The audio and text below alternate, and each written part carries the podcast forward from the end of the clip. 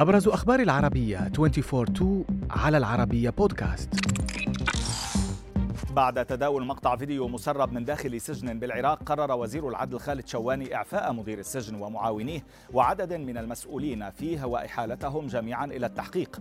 المقطع الذي أثار ضجة واسعة في مواقع التواصل تم التقاطه في سجن التاجي قرب بغداد ويظهر فيه نزلاء يناشدون الحكومة لإنقاذهم من ممارسات إدارة السجن متهمينها بإجبارهم على شراء المخدرات والهواتف النقالة بمبالغ طائلة.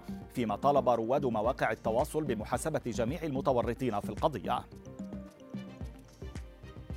في حادثة لقيت تفاعلا واسعا على ال social media اضطر قائد طائرة متجهة من مطار القاهرة إلى مدينة جدة لإنزال راكبة مصرية كانت تصرخ بشكل هستيري.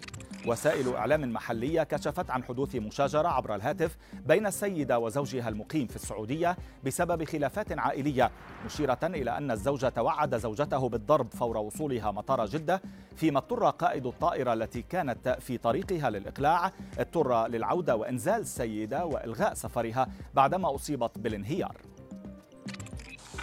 بعد نحو ثلاثة أسابيع على وفاته شكلت وصية أسطورة كرة القدم البرازيلية بيليه مفاجأة لدى الكثيرين بعد أن كشف من خلالها عن سر أنكره طوال حياته.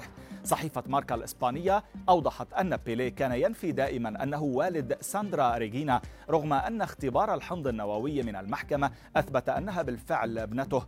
ولكن بعد وفاته وفتح وصيته كانت المفاجأة إذ ترك بيليه تركته لجميع أبنائه السبعة بمن فيهم ساندرا التي توفيت منذ 17 عاما دون أن تعرف أن بيليه سيعتبرها يوما ما واحدة من أبنائه. عاد الملياردير إيلون ماسك ليتصدر حديث مواقع التواصل وهذه المرة بخبر البدء بمحاكمته في سان فرانسيسكو لتحديد ما إذا كان رئيس تسلا قد كتب تغريدة احتيالية كما يتهمه مستثمرون.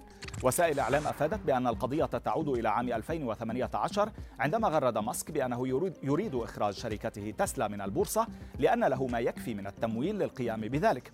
الأمر الذي تسبب حينها في تأرجح سعر سهم الشركة بشكل حاد لبضعة أيام. فيما بدأت المحاكمة باختيار هيئة المحلفين ومن المتوقع أن تستغرق نحو ثلاثة أسابيع.